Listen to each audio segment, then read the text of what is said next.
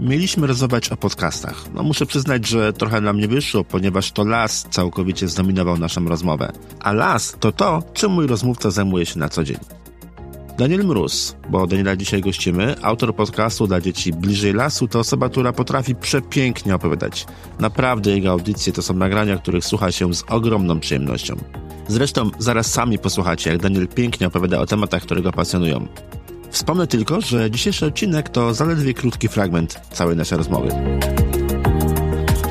Słuchasz audycji Jak zrobić podcast. Rozmawiam w niej z podcasterami oraz osobami, które pomogą Ci prowadzić lepszą audycję, zabyć więcej słuchaczy i wznieść Twój podcast na wyższy poziom.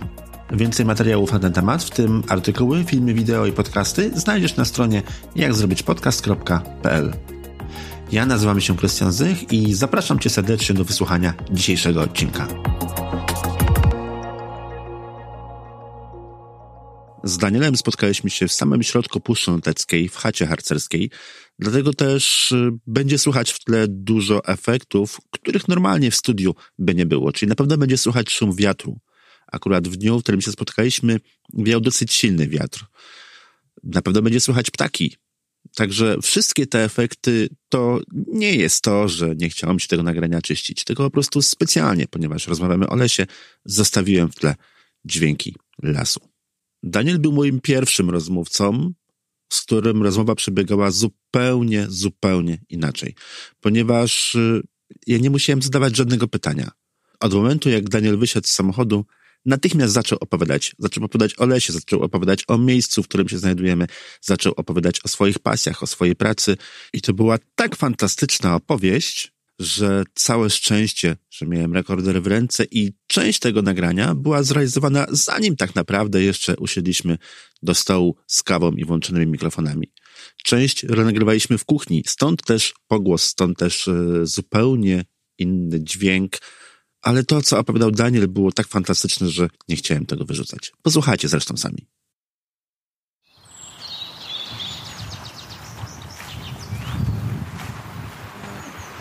Cześć.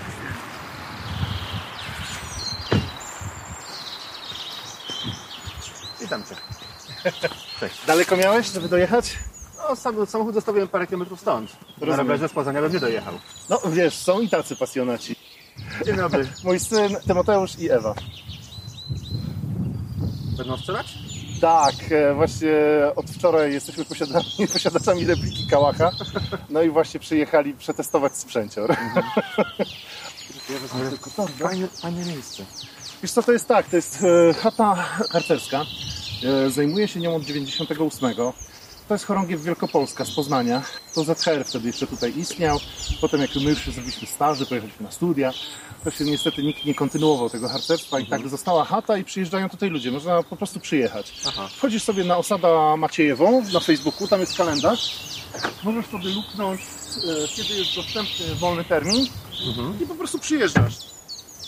Mamy tam taki cmentarzek obok byłych właścicieli e, tej starej leśniczówki, bo to jest nowa leśniczówka. Stara jest, e, tak jak masz ten duży świerk, lipę, w prawo. Tam są ruiny, e, które można się tam wpaść, także tam dzieciaków nie puszczamy. To jeszcze chapnij to do kuchni. Super. A, jeszcze tarcza, tak? Dobrze. Wzięłaś może wodę z, e, z samochodu? Eee. Super. Tutaj było tak, że to były, zaraz Cię oprowadzę po chacie, tylko wchodzimy od piwnicy. To były dwie, dwie osobne tak jakby części mieszkalne. W ogóle wejście nie było z tej strony, tylko od szczytów. Z tej strony mieszkali, żeby nie skłamać, tak, z tej strony. Z tej strony mieszkali ludzie, e, którzy teraz mieszkają w Hamrzysku, którzy też tu czasami przyjeżdżają sobie wspominać stare czasy i zajmowali się tą drugą częścią taką hotelową. To było e, dla o, Plastmet, coś takiego, Plast mm, w Poznaniu też. E, mieli Może, takie, możliwe. wiesz, ze starych czasów, e, takie wczasy pracownicze, takie były kiedyś tam, gdzie zawili takie domki albo budowali nawet własnym sumptem, nie? A jak mieli brygadę, to, to właśnie pół tej chaty było na takie cele, nie? I jakiegoś roku, najzwyczajniej w świecie, e, drzewa rozsadziły linię energetyczną, która tutaj prąd dostarczała. Nadleśnictwo wyliczyło, żeby pociągnąć nową, 2 miliony złotych, no to nie robimy. No to się zrobiło tutaj nie do wytrzymania, no bo bez prądu to tak średnio. On tutaj istnieje od 75 jakoś tak. Tam była, tak jak mówię, ta stara leśniczówka była tam, nie? Ona się spaliła, czy tam po wojnie ją spalili. Tak samo jak płyty na, na, na cmentarzu porozbijali, bo to wiesz, taka była tam faza, że wszystko co gotykiem to, No tak, trzeba było zniszczyć. no. My odnaleźliśmy tych potomków, e, ludzi, którzy tu mieszkali i O, żyli. udało się? E, tak, bo e, tak mówię, ja się opiekuję, ale w sumie samą chatę zainicjował taki ksiądz harcerz. I wiesz, poszukał w księgach parafialnych. I po sznurku, po sznurku do kłębka gdzieś tam Dobrze, w. Niemczech e, udało się znaleźć. Chodź, zapraszam. Super. E, na dole jest taka pompa, moja, twoja. Prowadziliśmy na poddasze takie zbiorniki 1000 litrów. E, to jest system przelewowy. Jak się, jak się tam e, już są napełnione zbiorniki, to tu się wylewa na zewnątrz ta woda. I wiemy, że jest pełen zbiornik. I wtedy masz w toaletach i w kranach bieżącą wodę. A widzę łuki są, czyli cały niezbędny sprzęt do polowania jest. Wszystko jest. Ojej, co tu się wydarzyło? Dobra, ktoś. Makaron.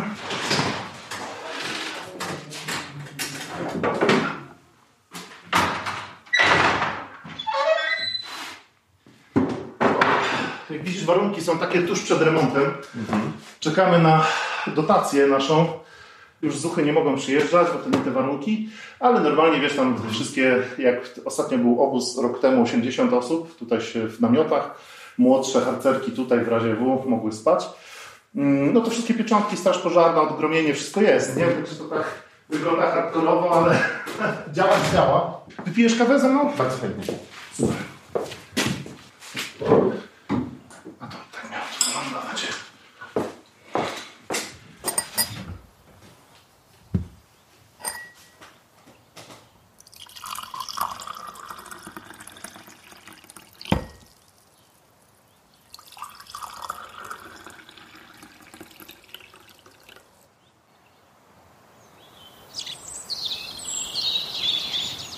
może na początek powiedz coś o historii tego lasu. dotknęła tą puszczę klęska, strzygonia chojnówka. Taki mały robaczek szary, który zjadł właściwie cały ten las. A że Puszcza Notecka jest jednym z największych zwartych kompleksów leśnych Europy, biją się o pierwsze, drugie miejsce. To wyglądało makabrycznie, bo tak naprawdę w puszczę wchodzisz koło Obornik, a wychodzisz pod Gorzowem. Jeżeli tak iść bezpośrednio na zachód. Zresztą większość lasów w Polsce, nie, zauważyłeś, nie? Są zlokalizowane ze wschodu na Poziomo. tak, poziomo. I jak się czyta raporty starych leśników e, z tamtych czasów, jak to wyglądało, tych takich pierwszych leśników, to mówią, że jakby deszcz padał. Taki odgłos. To były odchody spadające. I właściwie drzewa były zjedzone do pnia. I e, próbowano odnowić puszczę. Zresztą zostawiono taki fragment nieodnowiony, jakby to mogło wyglądać. E, nad Sierakowem na północ trzeba pojechać. Są wydmy, no, zupełnie jak nad morzem. Nawet taki sam piasek drobny, miałki. W Polsce nie było wtedy jeszcze tyle nasion. Dzisiaj jest tak, że jest cała gospodarka nasienna, mikroregiony, ocena genetyczna. Sadzi się drzewa tylko z tego miejsca, najlepsze genetycznie. Wtedy tak nie było. Wtedy próbowano z całej Polski ściągnąć sosnę, a to była kropla w morzu potrzeb. Więc zaczęto importować nasiona z Brazylii, z Japonii, z Ameryki Południowej. I często tutaj stuletni las, bo już teraz będzie właściwie 100 lat, jest twojego przedramienia. Sosny pokręcone, dziwne, rosną w podszycie, czyli w tym takim dolnym piętrze rosną dęby, czyli w sumie jak sosna to powinien być piasek. Dęby powinny trochę żyźniejszą gladę mieć. Ona się sama przebudowuje z czasem, ale te drzewa są takie trochę dziwne. No, tego nie wiedziałem. Ja myślałem, że te dziwne takie właśnie drzewa nie danej wysokości, co trzeba, to jest kwestia po prostu gleby, że tu jest jakaś, nie wiem, Za dziwna dobra. mieszanka. Jak, jak jest za dobra, to sosna jest właśnie taka dziwna, pokręcona, gałęzie się nie oczyszczają od dołu, nie odpadają. Nie, nie, nie. To jest właśnie kwestia tych ekotypów, takich, teraz byśmy powiedzieli mądrze, biomów. Po prostu nasiona z Brazylii nie chcą rosnąć w Polsce. Były też eksperymenty z taką sosną z Ameryki Północnej, z sosną Banksa. Możesz się jeszcze spotkać, ponieważ po wojnie było bardzo mało drzew. Sadzono dużo topól, wierzb, dlatego że one w wieku 40 lat już są dojrzałe. No i próbowano jakkolwiek zapełnić do budownictwa, cokolwiek, żeby było. Co oczywiście spowodowało małą klęskę ekologiczną w Europie, ponieważ dzisiaj nie znajdziesz w Europie czystych, już na pewno w Polsce, nie znajdziesz czystych genetycznie wierzb i topół. Ponieważ znowu ściągano nasiona zewsząd, a one się dobrze z sobą krzyżowały. Więc większość to się, tak? I Większość to się. są mutanty, to już nie są czyste. Robiono też eksperymenty z sosną Banksa. Ona ma bardzo specyficzne szyszki, nieduże, sierpowate, takie wygięte w łuk i nigdy nie są otwarte. Dlaczego? Dlatego, że one się otwierają tylko i wyłącznie w ogniu. E, w Ameryce Północnej dochodzi do samozapłonów. Produkują tak dużo olejków eterycznych, że jak Mhm. przychodzi 36-40 stopni, jest samozapłon, krótki pożar wierzchołkowy, czyli w koronach drzew, Mhm. dostają ognia, szyszki się otwierają, wypadają nasiona i na tym popiele, który tam e, z tych czubków opadnie, bardzo szybko odrastają. One faktycznie rosną fenomenalnie szybko do 15 roku życia i to był główny powód ich wprowadzenia w Polsce. Bo myślano, że to jest fantastyczne drzewo. 15 lat mamy takie przyrosty, że normalna sosna to tam w ogonie. No a potem po 15 roku nie chcą już rosnąć. Okazało się, że jest problem, bo nie ma temperatur, tak? Które by to spowodowały. Właściwie jest, są temperatury i to się zrobiło problemem zagrożenie pożarowe. Ponieważ w Ameryce jest inne podejście do pożarów. Y, Bardzo rzadko gasi się pożary. Szczególnie w parkach narodowych jest tak, że strażacy przyjeżdżają robić sobie zdjęcia na tle pożaru. Oni uważają, że to jest element natury, tak? Że, że skoro tak miało być, to tak ma być. Oczywiście, jeżeli zagrażają jakimś, wychodzą poza ramy, to, to bardzo tam są sprawni w gaszeniu. Chociaż u nas to też jest fantastyczne. Kukułka się odzywa. Ten cały system PEPOSZ, który jest tutaj w Polsce zrobiony w lasach e, państwowych, jest jednym z najlepszych w Europie i będziemy na pewno słyszeli, jak będą przelatywać nad nami, ponieważ jesteśmy na terenie Nadleśnictwa Potrzebowice, które jest e, dotknięte pożarem. Tutaj spaliło się dużo tysięcy hektarów. E, wzdłuż e, torów e, szły iskry. Od zablokowanego hamulca w wagonie zapaliła się trawa przy torowisku, była niewykoszona. To był 90 bodajże czwarty rok. Od tego się zajęła trawa w lesie. No i potem już przeszedł na wierzchołki. I to wtedy jest bardzo szybki pożar, bo wiał dość mocny wiatr. Pożar 40-60 km na godzinę. szedł. Wow. To było trudno wyprzedzić nawet Wow. samochodem. Mieli ewakuować taką wieś tutaj niedaleko Biała, to jest taka wypoczynkowa wioska, ponieważ jest polodowcowe jeziorko, zimne, ale jest. Jak na puszczę to i tak dużo, notecką. Na szczęście e, tuż przed tą wioską już ją mieli ewakuować, spadł deszcz. I tylko to uratowało, że tam się spaliło 5-6 tysięcy hektarów, a mogło naprawdę dużo więcej. Nie? Bo tutaj te sosny są dość gęste, jak widzisz zresztą. I dlatego po tym pożarze zrobiono takie specjalne pasy. E, To fajnie widać z lotu ptaka, ale jak się jedzie, to też to widać, że masz sosnę i nagle brzozy rosną. Taki dwu, trzymetrowy pas brzus. To są pasy, które mają spowolnić pożar. Pomimo tego, że brzoza się świetnie pali przecież, tak? To i tak mniej świetnie niż e, igły sosnowe. Więc w momencie, kiedy idzie pożar, kiedy te wierzchołki się zapalą i natrafiają na brzozę, to jednak są to liście, one spowalniają. Jest szansa, że ten pożar się zamknie nie? w jakimś regionie, nie? Tak, masz rację. A zimą w ogóle ich nie ma, więc e, bo brzoza nie, nie zatrzymuje liści, tylko dęby buki zatrzymują na gałęziach, żeby nie zmarznąć przez zimę. Mhm, Dlatego zostawiają liście. Brzoza na szczęście nie, więc faktycznie wyhamowuje to, ale to też zmieniło oblicze całej puszczy, bo, bo i grzyby inne, i, i życie inne się wkradło, bo to jednak jest e, już nie tylko sosna, nie? No tak, no brzoza to jest jednak zupełnie inne drzewo, w zupełnie innych warunkach żyjące, nie? I inny mikroklimat, taki, taki mały, lokalny Użyźnia powoduje, glebę, nie? buduje trochę, trochę inne też związki z tymi żyjątkami w glebie. Taka flapa, wiesz, że pachnie cytryną? Właśnie nigdy ich nie udało mi się złapać, żeby powąchać.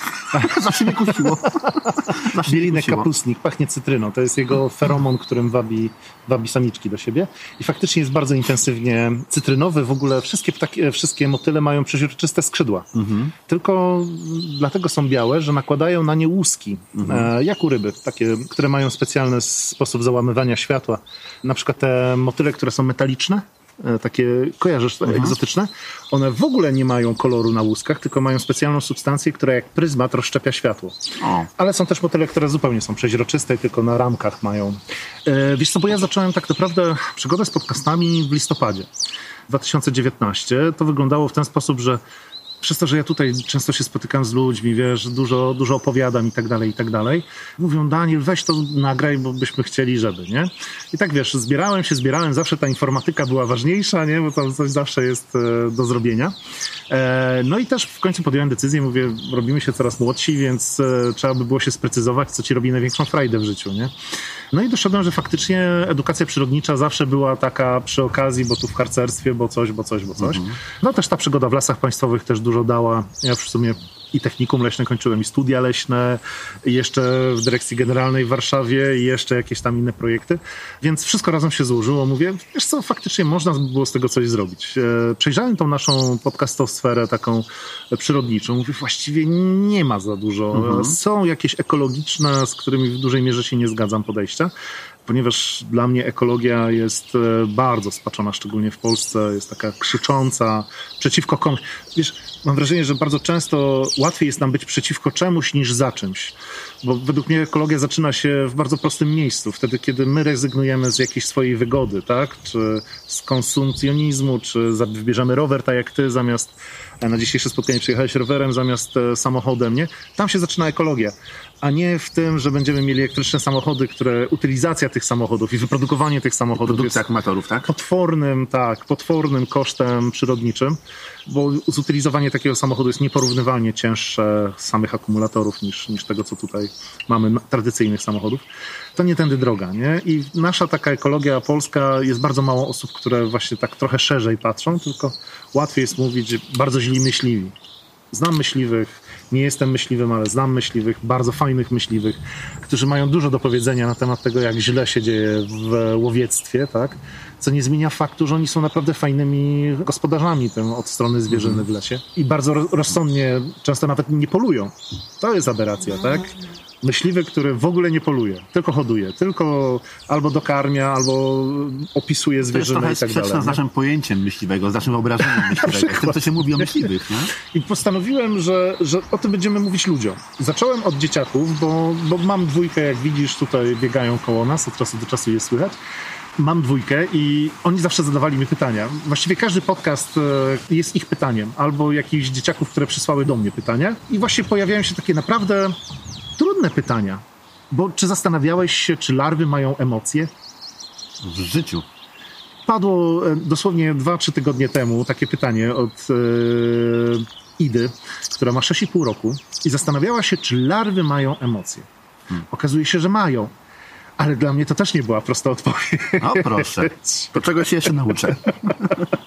Bliżej lasu jest e, zlokalizowany na dzieci.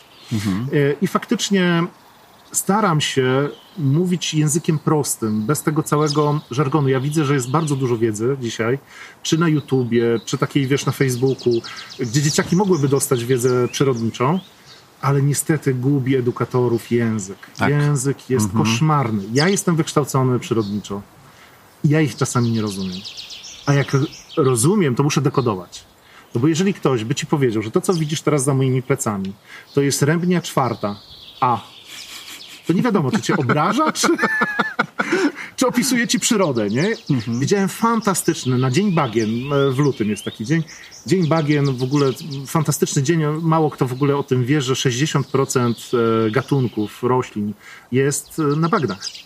To jest o, proszę. jedno z najbardziej zróżnicowanych, gdzie jest najwięcej gatunków, zwierząt, owadów, roślin. Dlatego jak płonęła biebrza, to, to była taka tragedia. Chociaż one bardzo szybko się odnawiają, ale bardzo dużo tracimy wody, tak? I te bagna, które tutaj dookoła nas się rozpościerają, bo tutaj akurat jest wyjątkowe miejsce w puszczy, gdzie jest dużo wody i są bagna, tam jest 60% gatunków. I jeżeli osuszamy, jeżeli używamy ziemi torfowej, moglibyśmy kompostowej, robi to samo. Ma takie samo pH. Można kupić, to jest tylko kwestia świadomości wyboru i dotarcia z takimi postawami ekologicznymi, takimi drobinkami. Właśnie i gdzieś do dzieciaków, bo wiadomo, mhm. dorośli mają swoje przyzwyczajenia, nic złego w tym, ale dzieciaki mogą bo tak, zadają dzieci kształtuje się te, te przyzwyczajenia, tak? I właśnie Ida mi zadała pytanie, czy larwy mają emocje? I powiem ci szczerze, musiałem się douczyć, bo po pierwsze wow, larwy. Naprawdę wycinek z życia owada. Mhm. Dowiedziałem się przy okazji wiele fantastycznych rzeczy. Właśnie teraz nagrywam odcinek o właśnie o tych larwach, tak? I między innymi o larwach, mhm. ponieważ e, to jest jeden z cudów natury. Dlaczego? Zauważ, że od e, jajeczka, później mamy gdzieś tam tą gąsienicę, larwę i, i dorosłego motyla, on się musi zupełnie zmienić. Jak zastyga jako larwa i przeobraża się w tego motyla, on się rozpuszcza w środku do biożelu absolutnie rozpuszcza wszystko, co ma w środku. I z tej papki takiej po prostu istota stworzenia. Taka miliardy lat ewolucji w pigułce, tak? W ciągu jednego czy dwóch tygodni, czasami miesięcy, czasami całego sezonu zimowego, w zależności od gatunku, bo cytrynki na przykład przez zimę, jako jeden z w ogóle z niewielu ptaków, w po, e, motyli w Polsce, zimują w wersji e, doskonałej albo larwy przeobrażają się i one tworzą coś niesamowitego z tymi skrzydłami, które są tak upakowane. I właśnie Ida, ale też inne dzieciaki są źródłem takich pomysłów, bo ja bym, powiem ci szczerze, sobie nie zadał pytania, czy larwy mają emocje, czy śnieg, dlaczego pada śnieg. W życiu mnie wpadł na pomysł, żeby spytać o emocje larwy. No śnieg to jeszcze, tak. No to są pytania, które jeszcze ewentualnie można sobie wyobrazić, ale emocje larwy? Nie, nie padłem na to. Zdecydowanie. I, I właśnie stąd, stąd inspiracja do tego, żeby opowiadać dzieciakom w prosty sposób. Zdecydowanie Mhm. prosty, dlatego zawsze jest jakiś eksperyment, żeby mogły to sobie odtworzyć. Później dostaję od rodziców jakieś e, zdjęcia, właśnie Mhm. dzieciaki eksperymentują, jak było zimowanie w łusce i skorupie, jak gady spędzają zimę, bo dla mnie samego było odkryciem, co robią żółwie zimą. Nigdy się jakoś tym nie zastanawiałem, nie pasjonowałem. Nie spodziewałem się, że jako gady, które mają grubą skórę, jedną z cech charakterystycznych jest łuska na tej skórze, po prostu kładą się na dnie stawu i pięć miesięcy żyją pod wodą. Po prostu. I dopiero sobie wychodzą na, na wiosnę i idą dalej. E, Ciekawe rzeczy.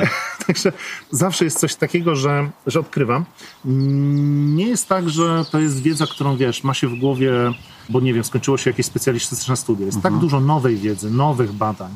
Tak jak choćby badania nad kleszczami, które teraz są bardzo takie popularne, medialne, ludzie się boją kleszczy. Nie wiem, czy wiesz, jesteśmy na terenie, gdzie kleszcze są właściwie zdrowe. 1%. Tutaj mm, koleżanka robiła rok temu badania z Uniwersytetu Przyrodniczego. Może znasz, może widziałeś, bo bardzo często w telewizji występuje Ania Wierzbicka, e, pospolicie zwana Wierzbą. E, Kojarzę nazwisko, musiałem zobaczyć twarz, to, to, to na pewno, na pewno byś no. skojarzył. Robiła badania, jak tutaj jest z tym zakażeniem. Ja sam choruję na boleriozę, bo właściwie to jest choroba leśników zawodowa. Mało znajdziesz takich, których nie dziabnęło. I mówi, słuchaj Daniel, tutaj jest 1% kleszczy Mhm. zakażonych boleriozą. I mówię, ale Ania, serio, ja się, my się znamy już tyle lat. Mówię, czym ty się zajmujesz z tymi kleszczami? No naprawdę, to nie jest duży organizm, nie? No co tam można jeszcze odkryć? No i właśnie okazało się, że, że właśnie ta nauka idzie cały czas do przodu. Mówi Daniel, a wiesz jak kleszcze zarażają? Mówię, no w teorii to trochę wiem, tak? Ale mówi, po, po jakim czasie, bo to jest ważne. I pomyślałem sobie, faktycznie, jeżeli wracasz z lasu i wiesz, znajdujesz kleszcza, pojawia się ta niepewność. Zaraził, nie zaraził. Stało się coś, nie stało się. I to jest właśnie odkrycia z zeszłego roku, że kleszcz, e, jak wgryzie się w skórę, to możecie zarazić KZM, tym e, kleszczowym zapaleniem mózgu, ponieważ przenosi się to w jego ślinie. Ale to jest bardzo rzadka choroba nawet u kleszczy, ten KZM. I na to się można Czyli zaszczepić. to, czego się najbardziej ludzie boją, jest najrzadsze. Tak, to czego się najbardziej boją, bo KZM jest ciężką chorobą, jest bardzo rzadkie. Ale bolerioza już jest dużo częściej, szczególnie w- na terenie Mazur, trochę południe Polski jest dużo zakażonych kleszczy. Ale bolerioza potrzebuje 24 godzin. Dlaczego? Ponieważ prądki boleriozy znajdują się w jelitach kleszcza. Co dla mnie było fascynujące. Mówię, ale jak w jelitach? No dobra, No to jak musi się wejść dostają? krew. Kleszcz żyje 5 lat, a je tylko 3 razy w ciągu życia. Nas najczęściej gryzą nimfy, ta warstwa pośrednia, nie, nie ten najmniejszy, nie ten dorosły, tylko ten pośrodku. Nimfa musi dostać tą odrobinę krwi, te parę kropel, wprowadza ją w te zasuszone jelita, jelita się tam napełniają, bolerioza miesza się z tą krwią i jest zwracana do żywiciela, zwymiotowywana. A to się dzieje dopiero po 24 godzinach, bo po prostu szybciej się tego, tych mechanizmów nie da pospieszyć. Więc jeżeli wracasz z lasu i obejrzysz się, wiesz, sprawdzisz dzieciaki, no to masz prawie pewność, że boleriozy na pewno. Trudno się zarazić. tym Naprawdę momencie, tak? trudno, nie? Jeżeli nie dbasz, nie, nie zachowujesz tej profilaktyki, dużo łatwiej się zarazić, nie? E, więc tu idzie nauka, nie? Nawet w takich mikrorzeczach, nie? Że to, że komórki przyciągają kleszcze, szczególnie te zakażone. No czytałem właśnie ostatnio, bardzo popularny temat był. tak, bo zrobił Że- się medialny. że- no, to inna koleżanka, ale też z uniwersytetu. E, faktycznie zastanawiają się, jak to wykorzystać w drugą stronę, jak je odstraszać, tak? Albo właśnie jak zrobić jakieś wabiki, żeby, żeby chociaż kleszcze tak bardzo powoli chodzą, więc to jednak Ale spadają chętnie, trwa. tak? nie mają oczu, one nas wyczuwają, tak? Wyczuwają ciepło, są bardzo wrażliwe na naszą podczerwień, więc faktycznie uwielbiają spadać na nas i szukać sobie ciekawych miejsc do, do wgryzienia. Ale właśnie, wiesz, ta, ten postęp się dzieje cały czas i cały czas muszę uzupełniać wiedzę, no i ją weryfikować, bo mam zawsze obawy, że pomimo, że wiesz, tyle lat, ale są takie rzeczy, że czasami nawet wykładowcy powtarzają coś, co im wpadło w ucho, i to nie jest potwierdzone, albo się już zmieniło, bo ktoś to zdementował. Więc zawsze jest ta obawa, że ktoś przyjdzie i powie, ale głupoty opowiadasz tym dzieciakom, nie? A to już jest odpowiedzialność. Więc każdy odcinek to jest jakiś tydzień e, researchu materiałów, weryfikacji, bo czasami to jest tylko jakaś informacja od, od kogoś, tak jak mówisz. Tak naprawdę najbardziej wiarygodne są artykuły w Nature, ale tam tak wszystkich kwestii, które byś chciał wyczytać, nie wyczytasz. Więc trzeba się opierać na, na, na naszej wiedzy też tutaj takiej lokalnej. I to jest fantastyczne, ponieważ my bardzo mało wiemy o przyrodzie. Nie wiem, czy wiesz taki powszechny mechanizm sok z brzozy. Każdy piło skomę, Tak. świetnie puszyste włosy, tak? Mhm, podobno. nie sprawdzałem nigdy. Nobody knows. Nikt nie wie. Nikt nie wie, jak to się dzieje, że drzewa pompują z korzeni do gałęzi soki. Ponieważ jeżeli weźmiesz to fizycznie, rozpiszesz we wzorach, tam nie ma takiego ciśnienia, żeby to się udało. Naukowcy cały czas to badają. Nie wiedzą, jak to się dzieje, że te soki są w stanie wejść w korony. Wiedzą, że drzewo pamięta, że rośliny mają pamięć, ale nie wiedzą, gdzie jest zlokalizowane. Czy to jest w pniu, czy to jest w korzeniach, czy może w gałęziach. Robią doświadczenia na roślinach na pustyni, że jak pierwszy raz w życiu dostają deszcz, kurczą liście, sukulenty, ale każdy następny deszcz w ich życiu bardzo chętnie je jeszcze bardziej otwierają, Otwierają. więc pamiętają. Nawet rok, nawet dwa lata pamiętają, że deszcz jest dobry. Wiedzą, że, że drzewa czują, że mają czucie, ponieważ fakt, że układ nerwowy drzewa jest bardzo powolny, więc drzewa są sprytne, produkują zapachy specjalne. Jak żyrafy chcą się najeść akacji w Afryce, to e, zawsze podchodzą pod wiatr. Dlatego, żeby drzewa nie mogły się ostrzegać przed żyrafami. Drzewo, jeżeli jest zjadane przez żyrafę, informuje się zapachami, fitofermonami, wszystkie dookoła, żeby produkowały bardzo gorzką substancję. I akacja nagle robi bardzo gorzkie liście. Są naprawdę niesmaczne, więc żyrafy się wycwaniły, bo ta informacja wędruje z wiatrem, więc zawsze podchodzą pod wiatr. Drzewa się w Polsce też ze sobą porozumiewają, rozmawiają, informują się o szkodnikach. Jeżeli jakieś drzewo jest zaatakowane przez owada, rozpuszcza informację zapachową dookoła i wszystkie drzewa dookoła, które dostaną tą informację, na przykład produkują grubszą korę. Czasami chodzi o ten milimetr grubszej kory, żeby owad się nie przegryzł i żeby nie żerował. Niesamowite. Myślę, że tego nie ma w szkole. Ja widzę po moich dzieciach, że Nie, nie, gdzie tam? że łączenie faktów jest trudne w szkole i może to kwestia harmonogramu, może to kwestia w ogóle samego sposobu uczenia, bo jak się uczymy, ja odpowiadam akurat za biologię, to dziwne nie jest. Tymoteusz, mój syn ma 13 lat, chodzi do szóstej klasy i mieliśmy temat o ptakach. Mówię, do czego służą pióra puchowe, czy wie? I nie wiedział. Znaczy wiedział, że są, wiedział jak jest zbudowany ptak, super, ale do czego służą? No właśnie, bo u nas w szkole się uczy czegoś innego. U nas się uczy precyzyjnej budowy komórki, przekroju liścia, tak, przekroju pnia, gałęzi, tam czegokolwiek. Czy jakichś innych bardzo szczegółowych, analitycznych, czy wręcz statystycznych danych, a nie uczy się po co to wszystko tak naprawdę Dokładnie jest, nie? Dlaczego to wszystko tak działa, nie inaczej. Ja pamiętam też ze swojej szkoły i pamiętam też, ile się nasiedzieliśmy też z moimi rodzicami.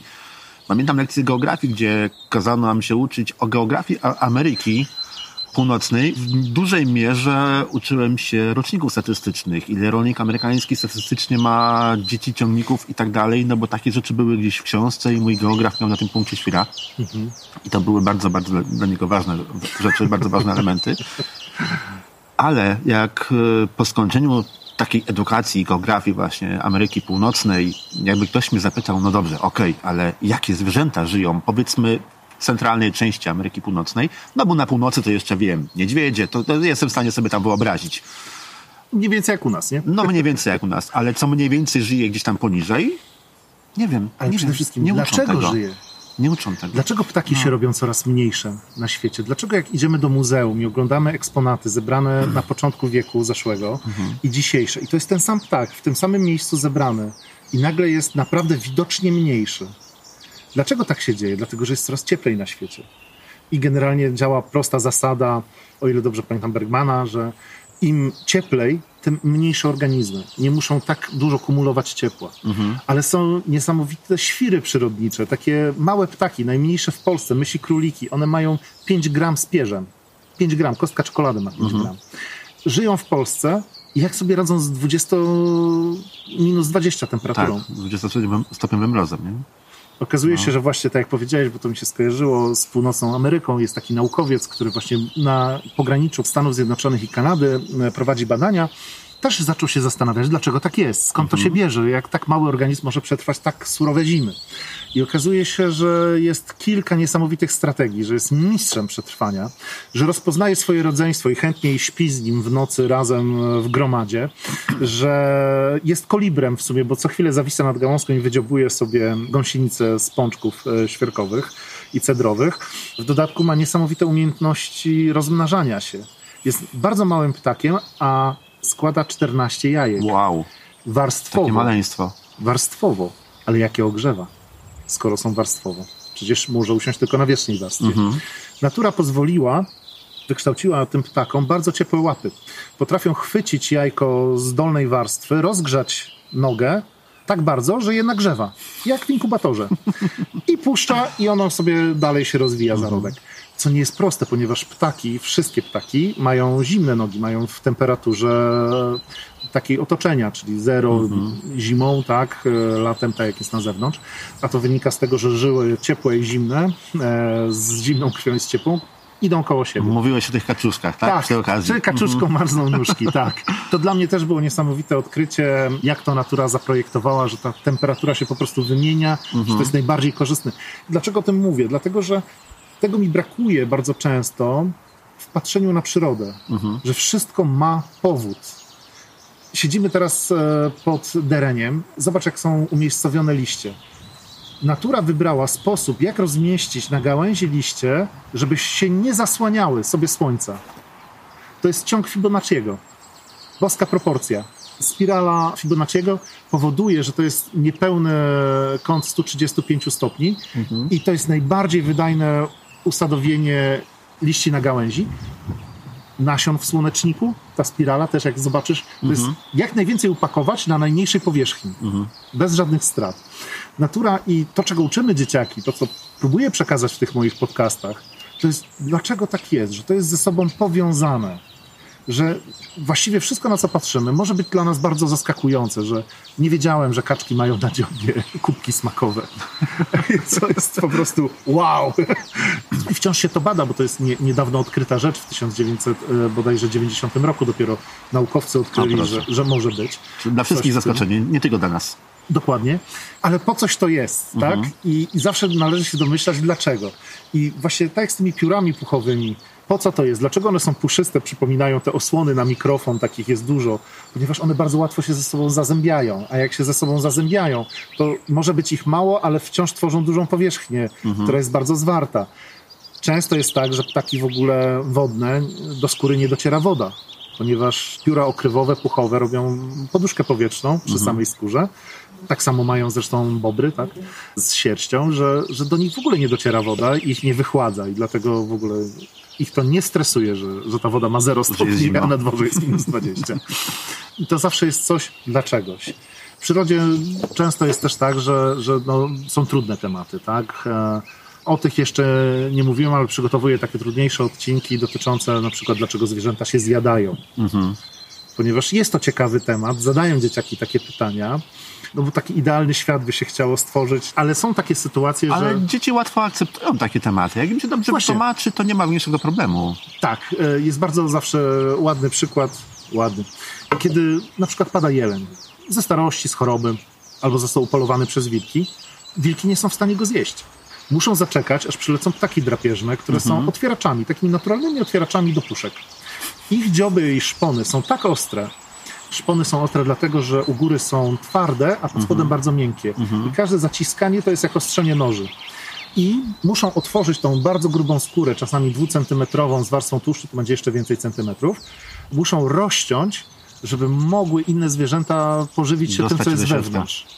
Ponieważ oczywiście też sobie czasami radzą, bo są naturalne otwory gębowy i odbyt, tak? Mhm. Ale to jest trudne, żeby się tam wgryźć. Czasami lisy mają za małe zęby, żeby, żeby to zrobić. I to są już takie trochę dla starszych dzieci tematy.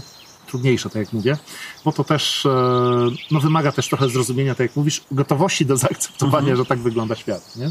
No dzieciom jest trochę przykro, jak zwierzątka umierają, ale mówię, ale dzieci potrafią dużo zrozumieć, nie? Dużo, dużo Moje dzieciaki ogarniają. z- wyrastały zawsze w domu, mieliśmy jakieś zwierzęta. Mhm. Czy to były mewki japońskie, czy takie japońskie ptaki leśne, Mhm. czy to były myszki, kot, pies, e, kanarek, rybki. E, Ale nie w tym samym czasie, ten kot kanarek rybki. E, właściwie to jest tak, że jak w domu padła propozycja, a może byśmy wzięli takiego kota, wiesz, ze wsi, jakiegoś takiego przybłędę dachowca i stwierdziliśmy, że dzieci są już na tyle duże, że nie złapią jakiejś choroby, toksoplazmozy albo czegoś innego. Mówimy, okej, super. W tym samym tygodniu kanarek dostał zawału, nie wytrzymał tej informacji. E, a jak przyszedł do nas kot, taki naprawdę mały, siedział dwie godziny przed klatką z myszkami i wpatrywał się w nich. Nie wiem, jak to wymyślił, ale to był moment. Łapa otworzona klatka, on w klatce z myszkami, myszek już nie było.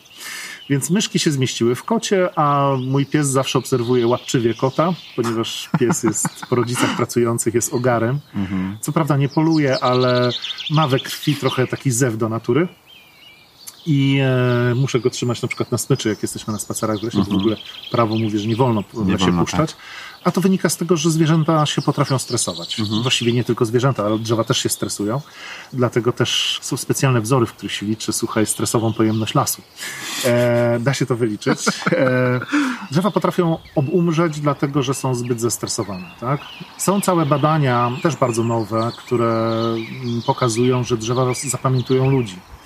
Poważnie. Są substancje stresowe, które możemy mierzyć. Dzisiaj po prostu to jest czysta biochemia. I e, jeżeli pojawia się szkodnik, drzewo się stresuje, produkuje tą substancję. Wchodzi człowiek, drzewo trochę się stresuje. Mniej niż przy szkodniku.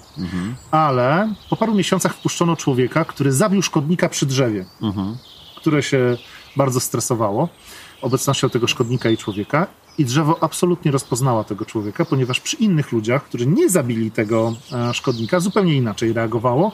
Na tym samym stężeniu był ho- hormon stresu. A ten, który zabił szkodnika, tak stresował drzewko, tak stresował roślinkę, e, że produkowała więcej tego hormonu stresu. I co się okazuje, że znamy to, znamy to z naszych babć, naszych obserwacji życia. Są ludzie, u których paprotki rosną fenomenalnie.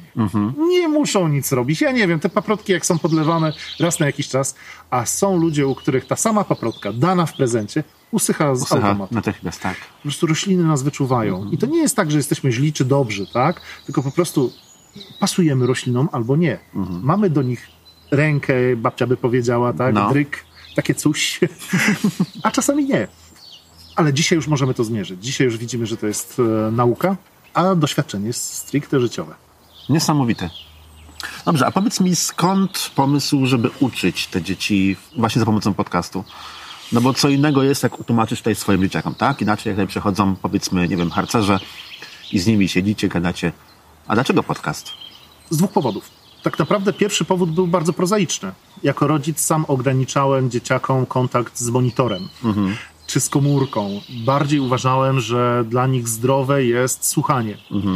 Oczywiście dzisiaj w świecie, gdzie mamy tysiąc interakcji, samo słuchanie bywa mało interesujące, Dla dzieci tak. ale okazuje się, że jeżeli dzieci nie dostają dodatkowych bodźców, tylko po prostu siadają z rodzicami często i słuchają, budują im się w głowie niesamowite obrazy. To jest troszkę jak z czytaniem książki, a oglądaniem filmu, ekranizacji książki. Niby treść jest ta sama, tak? Ale jednak czytając samodzielnie książkę, zbudowaliśmy sobie niesamowitą relację emocjonalną z tym, co czytaliśmy. I tak samo jest z głosem. I widziałem po moich dzieciakach, ponieważ e, jeszcze przed, Kukułek cały czas nas tutaj tak, cały czas. Wygaduje Cały czas. chwila. E, Co prawda jest od nas e, około jest, no. kilometra, ale, ale jest tak głośnym e, ptakiem, że, że tak. I kukułka zresztą to jest, cieszymy się już ostatkami teraz kukułek, ponieważ one przylatują do nas na bardzo krótko z Afryki i są są właściwie tak naprawdę do końca czerwca i wtedy będą już uciekać z powrotem, więc to jest taki bardzo krótki czas, więc warto jest dużo też wierzeń związanych z kukułkami takich ludowych, typu jak e, ile lat będę żył, e, kiedy się ożeni i tak dalej, i tak dalej. Oczywiście kukułki wszyscy znają z tego podrzucania, podrzucania jajek, tak. jajek tak? I to tak nie jest do końca prawdą, że ptaki się nie orientują. Są Dobra, ptaki, które to o za chwilę w takim razie obserwowałem ci, przepraszam, temat. E, a wracając. Czyli pierwszy był bardzo prozaiczny na zasadzie, jeżeli chcę, żeby do dzieci to trafiało, mhm. to musi być to takie medium, że rodzice to zaakceptują mhm. i nie będzie powodowało, że dzieci się rozpraszają. Oczywiście przy okazji wynikły wszystkie te rzeczy związane z emocjami, to później właśnie zaobserwowałem, czy z rozmowami z rodzicami, którzy słuchają podcastów razem z dzieciakami, dowiedziałem się, że faktycznie dzieciaki siedzą, słuchają z otwartymi buziami często mhm. i budują sobie swoje wyobrażenia i porównują świat, który już znają z jakichś mhm. własnych doświadczeń, czy spaceru, czy bycia w lesie z rodzicami, ale dopiero zwracają na coś uwagę często nie zadawały sobie pytania, dlaczego drzewa rosną tak wysoko, jak rosną. Mhm. Co o tym decyduje?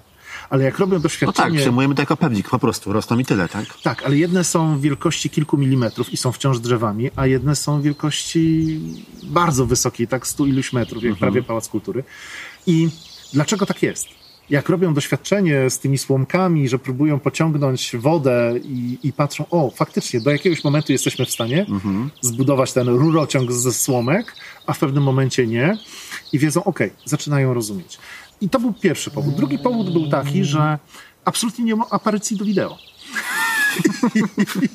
E, uważałem, że jednak operowanie słowem, które jest mi dużo bliższe niż, niż wizerunkiem, mhm. E, po prostu jest prostsze. Tak? Dla mnie też e, rynek tego słowa, to o czym ty mówiłeś we wcześniejszych naszych rozmowach, dopiero się formował. Mówię, mhm. to jest coś, co się tworzy faktycznie sam. Bardzo dużo słucham audiobooków.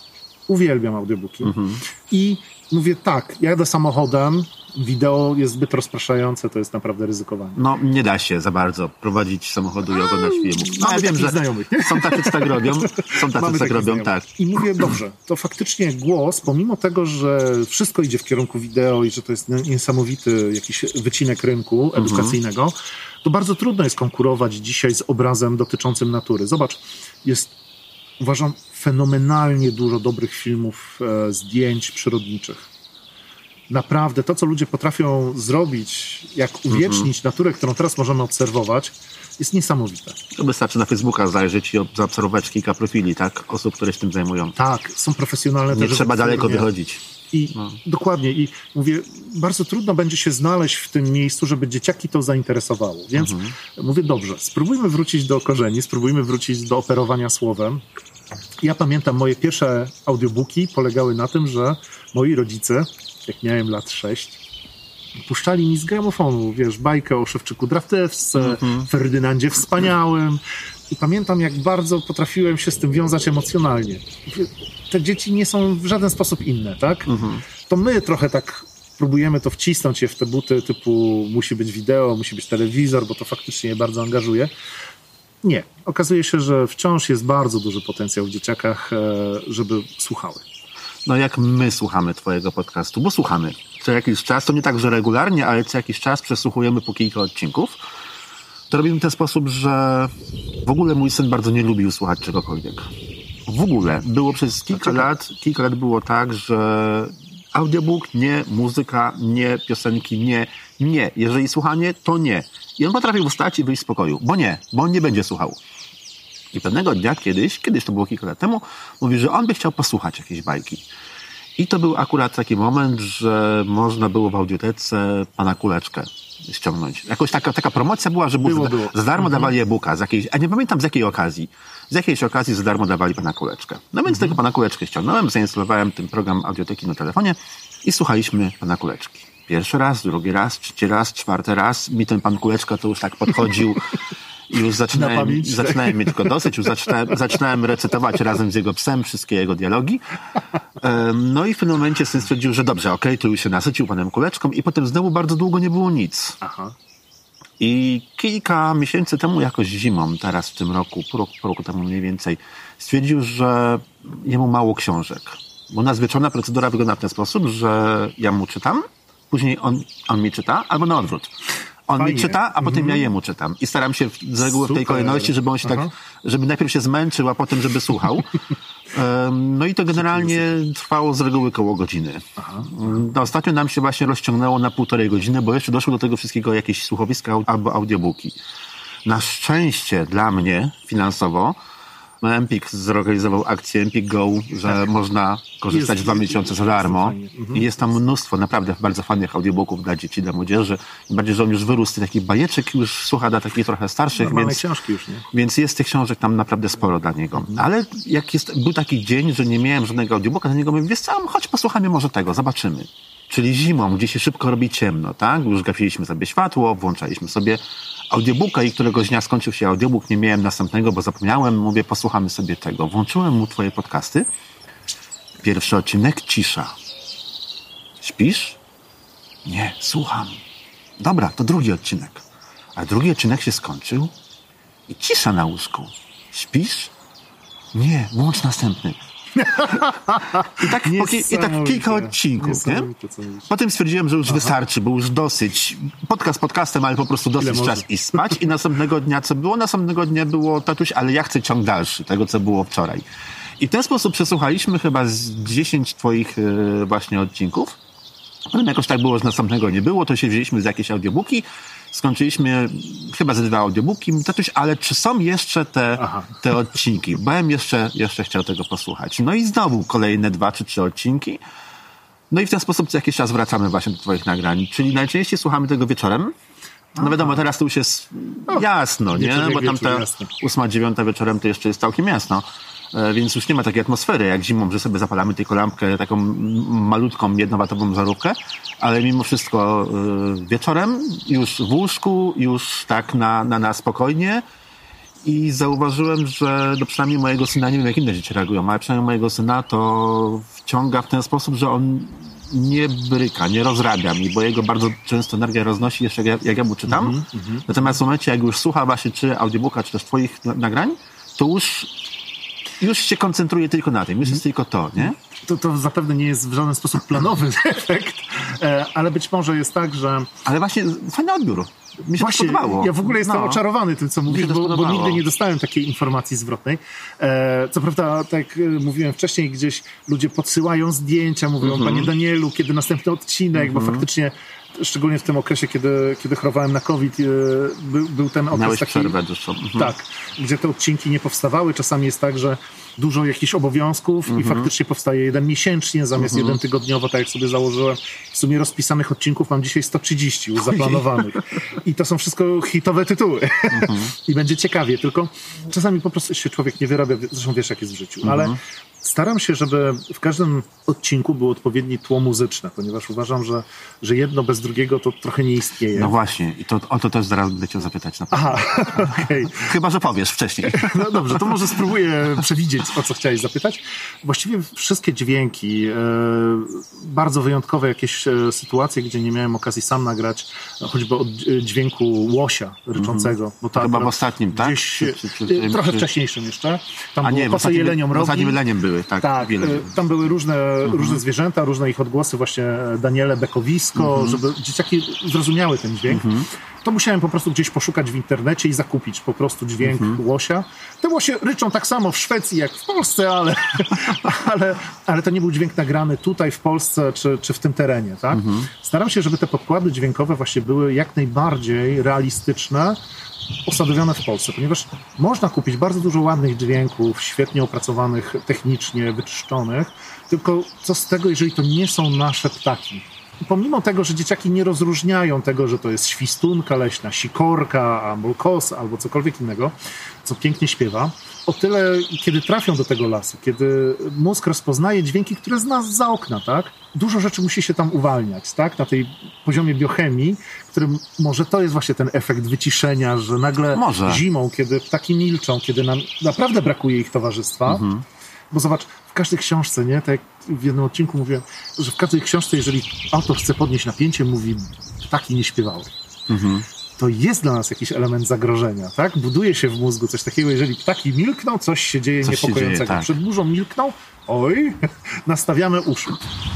Czasami zmieniam tą warstwę muzyczną, bo na przykład o zombiakach było strasznie, bo faktycznie to był taki odcinek, gdzie, gdzie sikorki wydziobywały, zresztą nasze kochane mhm. pospolite sikorki, zombiaki straszne potrafią wydziobywać mózgi innym ptakom, żeby się napić po prostu, bo jest susza. I wszystko nagrywasz tutaj, tak? W okolicach? Czy... Staram się tak, albo gdzieś, gdzie jestem, bo zazwyczaj mhm. zabieram ze sobą sprzęt do nagrywania. Jeżeli jadę do jakiegoś lasu e, w inne rejony Polski, to, to też nagrywam. E, ponieważ e, las w Polsce jest bardzo różny. I dużo, dużo szczególnie płazów, które hałasują o tej porze roku. Jest dużo więcej, jest ich na południu, dużo ciekawszych gatunków można usłyszeć, bo mhm. zazwyczaj to, co słyszysz nad wodą, to, co tak hałasuje, to wcale nie są żaby.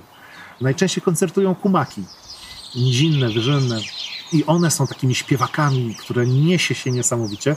Tutaj mamy szczęście, że jest bardzo dużo stawów i, i faktycznie też hałasują. Słychać było, tak. Mhm. Jak przyjechałem, to właśnie słyszałem, jak jeszcze tak? gadały. Tak, jeszcze no, gadały. to się tam już, już taka, taki gdzieś tam się odzywał jeszcze. Ale w nocy jest po prostu no. koncert non-stop. E, no, wyobrażam sobie. I fantastycznie śpiewają. I okazuje się, że wcale nie od tych stawów tutaj, mhm. tylko od tych bardziej dzikich, gdzie jest takie uroczysko, gdzie żurawie mają swoje gniazdo z młodymi co roku tam właśnie najchętniej e, przebywają.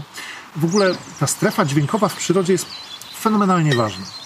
I od takich rzeczy, których mało wiemy, że na przykład żurawie, które rozmawiają ze swoimi piskrakami przez skorupkę. Żurawie wydają bardzo niski dźwięk. Bardzo niski, nie ten taki, który my znamy, ten klangor, taki bardzo melodyjny. One zbliżają się do jajka i wydają bardzo niski dźwięk i młode odpowiada im z tego jajka. Nie wiemy o czym rozmawiają, mhm. ale wiemy, że rozmawiają ze sobą. W ogóle ta warstwa dźwiękowa jest e, czasami nawigacyjna, tak, jak u nietoperzy, te tak. infradźwięki wszelkie, choćby u słów też, e, uszy są w różnych miejscach w czaszce, tak, jedno ucho jest tutaj, drugie jest dużo, mhm. dużo niżej, żeby słyszeć bardziej 3D. Jest ważne. Ja myślę, że w tych opowiadaniach to jest właśnie taka naturalna konsekwencja, że bez tych dźwięków, bez tych podkładów, bez tego, że jeżeli mówimy o, żółwia, o żurawiach, to one się tam z tyłu odzywają, dla dzieciaków to by było dużo uboższe. Ile czasu trwa nagranie w takim razie jednego odcinka? On się zawsze dzieli na, na, na dwie tak jakby części. Pracę związaną z poszukaniem materiałów, z weryfikowaniem materiału, z weryfikowaniem mhm. własnej wiedzy, ponieważ bardzo łatwo błąd. Z przyzwyczajenia. Czasami tak zwany ze Staropolska research, tak? tak, research. Mhm. Research jest y, też weryfikacją własnych teorii, własnego tego, co sobie kiedyś włożyłeś do głowy, mhm. że tak to wygląda, bo tak się w szkole podstawowej nauczyłeś, czy w średniej. A później się okazało, że zupełnie inaczej to działa i trzeba wtedy się trochę podrapać w głowę. Często taki research trwa około tygodnia. Potem jest e, napisanie odcinka, to zazwyczaj już idzie szybko, ponieważ mhm. E, nie można cytować dosłownie autorów i tak dalej, i tak dalej. Ta wiedza musi być też przetworzona, żeby ona była zrozumiała dla dzieciaków, mhm. ponieważ są to często wydawnictwa naukowe, bardzo takim trudnym językiem. Tak, trzeba to przetłumaczyć. Hermetycznym napisem. Tak, trzeba to przetłumaczyć, uprościć, znaleźć porównania. Bardzo długo na przykład zastanawiam się, jak u dzieci pokazać wielkość. No właśnie, te twoje porównania są bardzo ciekawe. Dziękuję. Zawsze bardzo mi się podoba właśnie, jak porównujesz coś do czegoś. Właśnie. Dla dzieci pojęcie 20 centymetrów jest abstrakcyjne. Jest abstrakcyjne, tak. Dziecko nie wie, ile to jest 20, 20 Ale każda wie dziecko, jak wygląda tabliczka czekolady mhm. w rękach. I faktycznie mierzyłem czekoladę, mówię, co mam tu pod ręką, żeby pokazać, mhm. ile to jest. I faktycznie, jeżeli patrzymy oczami dziecka na świat, on jest zupełnie inny niż nasz. Te rzeczy są większe, bardziej emocjonalnie z czymś się wiążą bądź nie. I czasami poszukiwanie porównań, żeby to było zrozumiałe dla dzieci. No bo jeżeli rozmawiamy o czymś, co jest totalną abstrakcją, jak linia czasu, Czyli kiedy się pojawiły płazy, gady i ludzie. No to jest nawet dla dorosłego abstrakcja. Tak. To już dopiero dla dziecka. Co, to, co to dopiero dla ja dziecka? Ja sobie nie potrafię wyobrazić czegoś. Nie wiem, ostatnio rozmawialiśmy z synem o jakiś program naukowy oglądałem o księżycu którejś z planet na naszym końcu Układu Słonecznego. Nie pamiętam w tej chwili już której. To są wartości totalnie abstrakcyjne, jakieś takie odległości liczone w setkach, tysiącach kilometrów, lat świetnych. No, jest, to jest nie do pomyślenia w ogóle. I tak samo czas. Jak pokazać, albo jak wyobrazić sobie, że coś się działo milion lat temu. No ile to jest? No, no właśnie, lat, nie? nie? I teraz... Szczególnie dla dziecka, które żyje cześć, na przykład. Dokładnie. Z tego czy świadomie. Dlatego jeżeli mówię o porach roku, to mówię, kiedy zaczynają się wakacje. kiedy jest Boże Narodzenie, bo to rozumieją, wiedzą, że jest taki moment w roku, być może nie, nie potrafią określić do niego odległości, ale kiedy mówimy o tak skomplikowanej rzeczy, że płazy i gady się kiedyś pojawiły i teraz ludzie, i to już jest trudne, ale szukałem bardzo długo jakiegoś uproszczenia. Dwa dni szukałem. To brzmi trochę tak abstrakcyjnie, ale, ale faktycznie to, takie proste rzeczy trudno przychodzą. To wymyśliłem, że przyjąć można, że jeżeli rok temu pojawiły się płazy, to my się pojawiliśmy pięć minut temu. Dla dzieci starszych to już jest coś, co absolutnie rozumieją. Oczywiście dzieci w wieku pięciu lat będą miały z tym problem, ale od tego są rodzice. Rodzice chętnie im to wytłumaczą, bo oni sami to zrozumieją. A jeżeli nie poda się tej ręki, nie poda się tego uproszczenia, są w ogóle badania nad mózgiem e, i to też jest właśnie element e, tworzenia podcastów, żeby zrozumiale mówić, trzeba zrozumieć, jak to działa. Że jeżeli dostaniemy pięć niezrozumiałych informacji, to mózg się wyłącza. I dlatego te podcasty czasami powstają tydzień, zanim się usiądzie i napisze. Samo pisanie trwa zazwyczaj jeden dzień, samo nagrywanie jeden dzień i Okej, obróbka. nagrywanie głosu, a cała reszta, a całe tło? To już jest wszystko razem. To już jest wszystko razem, jeden dzień, bo nagrywanie to jest zazwyczaj, e, jeżeli to jest 15-minutowy odcinek, to praca z postprodukcją to jest e, około 8 godzin. Zresztą masz to z własnego doświadczenia, więc wiesz, że wycięcie wszystkiego, ponieważ e, nie umiem tak dobrze operować głosem, żeby nie brać tak głośno powietrza. I mi to przeszkadza. Jeżeli to nie jest budowanie napięcia, kiedy chcę pokazać, że dynamika głosu i tak dalej, to mi przeszkadza. Więc wycinanie tej frazy jest bardzo pracochłonne. Tak, to trwa. Mhm. Mam przyjaciela, który jest aktorem i pytałem go, jak ćwiczyć dykcję, żeby mówić wyraźnie, żeby te końcówki. Oczywiście z akcentami to już jest w ogóle. No, znasz ten warsztat językowy. No, dla znowu- mnie samego jest to też poważny problem. I, I ja wiem, że mimo tego, że jestem tego świadomy, to jeszcze parę lat nauki przynajmniej przede mną. Ja myślę, że będziemy się kształcić e, cały czas, bo to cały- wystarczy spojrzeć właściwie, na aktorów, jak oni fantastycznie potrafią powiedzieć dzień dobry na 300 ileś sposobów. Mhm. I właśnie kolega polecił mi ćwiczenie z korkiem, żeby przeczytać to, co znasz powiedzieć, tylko włóż sobie Mhm. korek od wina tak? do ust i faktycznie rozciągają się te mięśnie fantastycznie i dużo wy, wyraźniej się mówi, to jednak niektóre frazy się powtarza. Czasami e, z tymi liśćmi słyszeliście, widzieliście, tak? Samo rozłożenie akcentu bardzo się szumi. Trzeba powtórzyć kilka razy, potem trzeba to powycinać, potem trzeba to posklejać, żeby nie, nie było. I faktycznie to jest 8 godzin praca nad, nad taką postprodukcją. Samo nagrywanie długo nie trwa. Ja nie mam studia w domu, pracuję normalnie przy komputerze i znalazłem fenomenalny sposób, ponieważ zawsze mnie to trochę powstrzymywało, że jeszcze muszę coś zrobić, żeby nagrać i tak dalej. I tutaj mogę taki sprzedać protip. E, raper ze Stanów Zjednoczonych w pięciosekundowym filmiku na YouTubie pokazał, jak zrobić najlepsze studio nagrań w domu załóż koc na siebie i mikrofon. I faktycznie bardzo często tak nagrywam, żeby nie było pogłosu z, z mieszkania. Czasami jest tak, że no są wypadki losowe, tak? Mam psa, który bardzo często ze mną nagrywa i nagle pies postanowił wstać, przywitać i odszczeknąć No ale na to coś, masz co na przychodzi. naturę w pewnym sensie. E, Domowioną, ale jednak naturę. ciach, buduje czasami te. Czasami e, powoduje, że, że ten całe nagranie, o, musimy powtórzyć od jakiejś tam frazy. Ja bym chciał nagrywać przynajmniej dwa odcinki tygodniowo.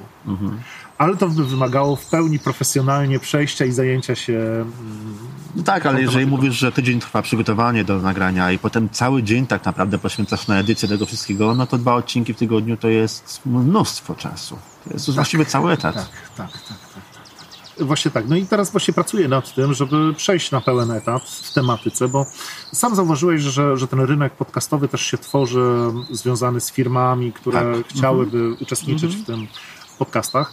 I mm, Jest tych firm coraz to więcej, to z bardzo różnych branż. No zresztą nawet ostatnio lasy państwowe przecież tak zaczęły nadawać swoje własne audycje. Także dzieje się dużo i, i coraz to więcej osób zauważa, że podcast jest po prostu fajnym sposobem na, poka- na powiedzenie tego, co mam do powiedzenia. Fajnie, że poruszyłeś temat lasów państwowych, bo lasy państwowe mają całą swoją organizację, Centrum Informacyjne Lasów Państwowych, w skrócie CIL, która produkuje bardzo dużo fajnych materiałów, z czego wciąż jednak jest to bardzo taki hermetyczny język, chociaż pilnują się, to jednak e, są to leśnicy z krwi i kości i czasami to wychodzi. I to nie jest tak, że jest jakaś konkurencja między nami, bo ten rynek jest tak duży i, i dzieciaków jest tak dużo. Zresztą dzieciaki uwielbiają wybierać, tak? Raz z No tego oczywiście, koszyka, raz z tego oczywiście. koszyka.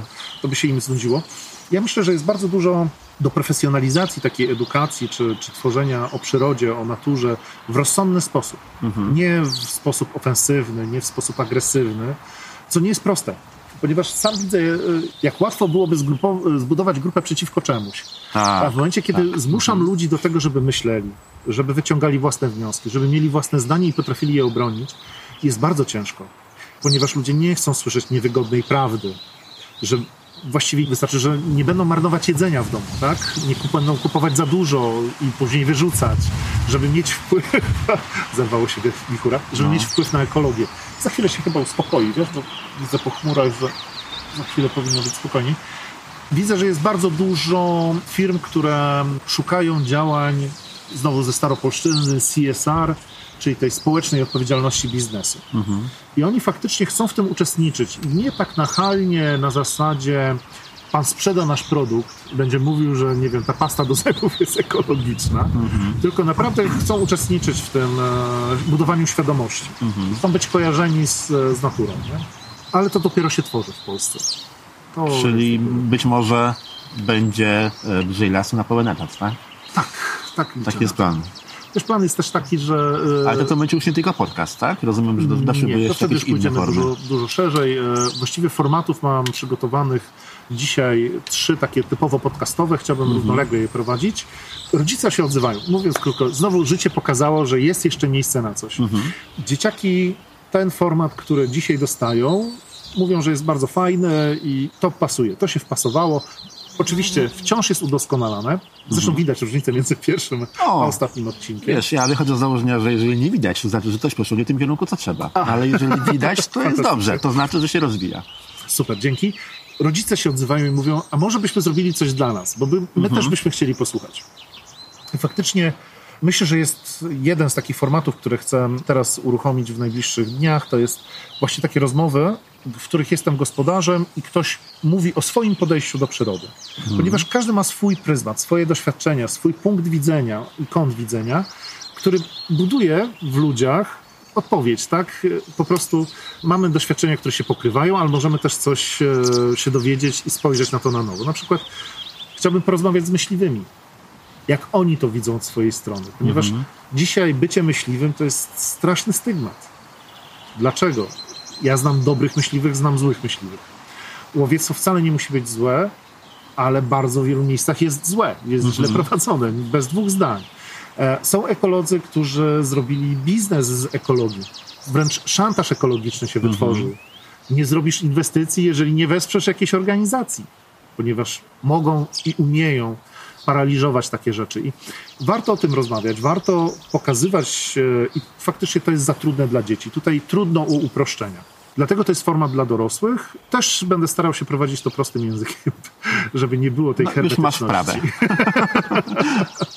Jeden z takich formatów bardziej interaktywnych, który też e, już jest w trakcie, ponieważ dostaję nagrania od, od rodziców, chcę zaangażować dzieci w tworzenie podcastu i chcę co jakiś czas zrobić takie pytania-odpowiedzi. Dzieci nagrywają swoje pytania, wmontowuję to w materiał audio i otrzymują odpowiedzi. Mam fenomenalne doświadczenia z dziećmi, które mają niesamowitą wiedzę przyrodniczą. Może E, same by opowiedziały. Po, tak, właśnie myślę, że to jest taki fantastyczny kierunek, ponieważ w ogóle to, jak one to widzą, to jest dla nas zawsze odkrywcze i pokazuje, ojej, nie wiedzieliśmy, że tak dzieci patrzą. Ale czasami mają tak dużą wiedzę. Byłem kiedyś w przedszkolu, prowadziłem zajęcia dla, dla przedszkolaków. Pokazywaliśmy pióra sowy. Pióra sowy są jednym z ciekawszych cudów natury, ponieważ mają ząbki na brzegach. A to po to, żeby nie rozcinać powietrza gładką krawędzią. Jeżeli są ząbki na tych na brzegu piórach, e, powietrze się przecina bezszelestnie. Jeżeli jest prosta krawędź, to będzie szumiało, więc jeżeli polują w nocy na mysz albo innego gryzonia, no to są bezszelestne, jeżeli lecą. Pokazywałem właśnie pióra sowy, pokazywałem pióra e, myszołowa, ponieważ można zbierać pióra w Polsce, to jest dozwolone, oczywiście nie wolno z żywych ptaków, ale często są jakieś upolowane, pod gniazdami, jakieś wyskubane. Pokazywałem te pióra dzieciom i pytam, jakie znacie ptaki drapieżne? I naprawdę dzieciaki znały odpowiedź. Ktoś wymienił nawet e, błotniaka stawowego. No, Wow. Wow, właśnie, wow. Ja chyba o błotniakach dowiedziałem się gdzieś w technikum leśnym, tak? A, a tu dziecko w przedszkolu mi mówi. Ja przez przypadek wcale nie aż tak dawno. Zapytałem, zapytałem skąd wie, bo to po prostu aż mnie zwaliło z nóg. Mhm. Okazało się, że jakaś ciocia gdzieś pracuje w, e, przy, przy właśnie naturze. Już nie Mhm. pamiętam nawet, jaka to było stanowisko. W każdym razie dzieciaki czasami zaskakują. Mają wiedzę, pasjonują się. Oczywiście czasami są to takie zwierzęta, wiesz, typu konie, Mhm. e, psy, tak? Coś, co, z czym mają lepszy kontakt. Ale nie brakuje dzieciaków, których fascynują owady, które fascynują pająki. Na przykład moja córka jest pajęczarzem strasznym i uwielbia pająki i w ogóle owady jej tam nie przerażają. Ale to akurat rzadko. No, większość dziewczynek w tym wieku raczej stroni od pająków. Pasją są konie, a pająki przy, okazji, Mhm. przy okazji. z czego takie tarantule właśnie. e, Ja nigdy nie miałem problemu z owadami, żeby brać je na, na dłonie, chociaż e, powiem szczerze, że jak próbowałem brać tarantułę, jednak serce Chyba bije szybciej. uczucie jednak, nie? Brać takie. Niesamowicie puszyste. Jakbyś dotykał osłony mikrofonu. Niesamowicie puszyste, z czego niestety te ich włoski unoszą się w powietrzu i drażnią strasznie gardło, więc to jest ich mechanizm obronny. Jak się stresują, wyrzucają je. E, Są paskudy, ale faktycznie e, to budzi emocje. To budzi emocje. No ale takie zaangażowanie dzieci w takich projektach moim zdaniem jest bardzo ciekawym pomysłem. Dzięki. Bardzo mi się Ja podoba myślę, coś że, że, że dzieciaki też w to wejdą, Ja w ogóle bo one lubią interakcję. Powiem nie? ci, od zawsze mi brakuje, bardzo, bardzo mi brakuje coś, co jest w Stanach, a nie ma w ogóle u nas, czyli angażowanie dzieci do nagrywania podcastów. Ja wiem, że jest problem z nagrywaniem z dziećmi, bo dzieci nie potrafią tak jeszcze ładnie opowiadać, tak mówić, sprecyzować swoich myśli. E, Nie są takie też e, wytrzymałe, żeby w dłuższej perspektywie czasu takie audycje nagrywać, ale bardzo mi brakuje nagrań właśnie z dziećmi. Bardzo bym chciał posłuchać. Ja jestem nawet gotowy pomóc w przygotowywaniu takich nagrań od strony technicznej, żeby tylko takie Aha. nagrania się pojawiły, bo właśnie bo bardzo mi brakuje, bardzo bym chciał, żeby się pojawiły nagrania współtworzone z dziećmi. Wiem, że to jest trudny format i przypuszczam, że do tego się nie pojawia. No ale- na pewno tak. ale brakuje mi. Było kiedyś, Brakuje. pamiętasz, w radiu było, co to jest? I dzieci mówiły o czymś. No w przykład- polskim radiu, tak? Nie tak pamiętam mi w się tej chwili, na było którym, coś takiego, na już nie którym pamiętam było. na którym Mhm. kanale. I faktycznie to niesamowicie budowało, to było śmieszne oczywiście. To było śmieszne, tak, ale spojrzenie tych dzieci, Tak. czasami ich wyobrażenie na jakiś temat było z jednej strony śmieszne, a z drugiej strony bardzo często ciekawe. Faktycznie jak dzieciaki patrzą, to patrzą w zupełnie inny sposób, Mhm. nie? I, I to jest świeże. I to buduje w nas z kolei nowy, nowy sposób myślenia o czymś. Mhm. Też pokazuje, jak mało z tego, co mówimy, czasami dociera. Nam się wydają te rzeczy oczywiste, nie? Tak. Więc no, w przyrodzie jest e, właściwie wszystko jest bardzo sensowne, logiczne i matematycznie wyliczalne, tylko jeszcze po prostu nie potrafimy tego zrobić czasami. Ale dzieciaki faktycznie, e, gdyby się udało zaangażować dzieci, wiesz, w jakichś projektach z jedną e, z blogerek z e, Poznania nawiązaliśmy kontakt, tylko COVID nam przeszkodził w spotkaniu. Właśnie umówiliśmy się tutaj, COVID wiele namieszał. nie? No, tak. I u ciebie i, U mnie i też. tu W złym momencie się pojawił. Sumie tak. Wolałbym zimą, kiedy jest jak te kontakty takie są ograniczone i w ogóle przemieszczanie się jest ograniczone. Nie wiosną. No, w paskudnym momencie. No. Prawda. E, właśnie e, chcę przyjechać tutaj z dzieciakami, e, ze swoimi znajomymi i właśnie będziemy robić jakieś, e, jakieś zajęcia tutaj dla dzieciaków, e, gdzie postaram się właśnie pierwszy taki format być może właśnie nagrać, tak? Wiesz, można to zrobić przy ogniu, można to zrobić, wiesz, na zasadzie usiądziemy, pogadamy, może coś z tego się uda złożyć, tak? Ja myślę, że dzieciaki dzisiaj są tak mądre, naprawdę są, nie tylko o to chodzi, że my byśmy nie wiedzieli, co zrobić z iPadem, tak, czy z iPhone'em, mając lat 4. One dzisiaj potrafią to biegle posługiwać i naprawdę ich szerokość zainteresowań jest bardzo duża. Bo mają dostęp do tej wiedzy. Tak. I my im to ułatwiamy, tworząc e, podcasty, czy jakąkolwiek treść, która gdzieś do nich dociera. Tak, ułatwiamy im to, ale myślę, że dopóki nie będzie tego przeżywania wspólnego, wiesz, tego kontaktu z naturą, bo co innego o niej słuchać, co innego wyjść w teren i spróbować tego doświadczyć, tak? Zrozumieć, że w łyżce ziemi w lesie jest więcej organizmów żywych niż wszystkich gatunków na świecie. Zrozumieć, jaki to jest mikrokosmos, że piasku, ziarenek piasku mamy więcej na Ziemi niż jest gwiazd we wszechświecie. I tak dalej, i tak dalej. to na dzieci działa, nie? jeżeli to jest taka wyobraźnia No. e, gdzieś tam e, pobudzana, ale to jest praktyka. Jeżeli zaczynają suszyć liście i robią swój pierwszy zielnik, uczą się, Mhm. wiesz, zebrać coś, zrobić pierwszą maść, tak jak ostatnio robiły krem z liści brzozy, No, tak? oni dopiero wtedy, dopiero się uczą, nie? Bo budowanie obrazów i emocji dźwiękiem, głosem, super. Ale to jest zupełnie inny etap, Nie, kiedy można oczywiście, tego dotknąć, oczywiście. powąchać, sprawdzić, tak? Zupełnie inny tutaj świat. wędrowników, którzy przychodzili i miał chłopak e, ranę na, na nodze. Czasami prowadzę zajęcia z takiej z tak zwanej leśnej apteki szkole harcerzy. Pokazałem mu jakąś roślinę, którą wystarczy rozetrzeć. Mówię, tak już robili Rzymianie. Spróbuj pod bandaż to włożyć, może się wygoi. A jeżeli się nie wygoi, to oczywiście do lekarza. Tak? No ale jak się jest w podróży przez e, parę tygodni się po prostu odparzyła noga i ropieje, no to coś z tym trzeba zrobić. Nie zawsze da się podejść do lekarza.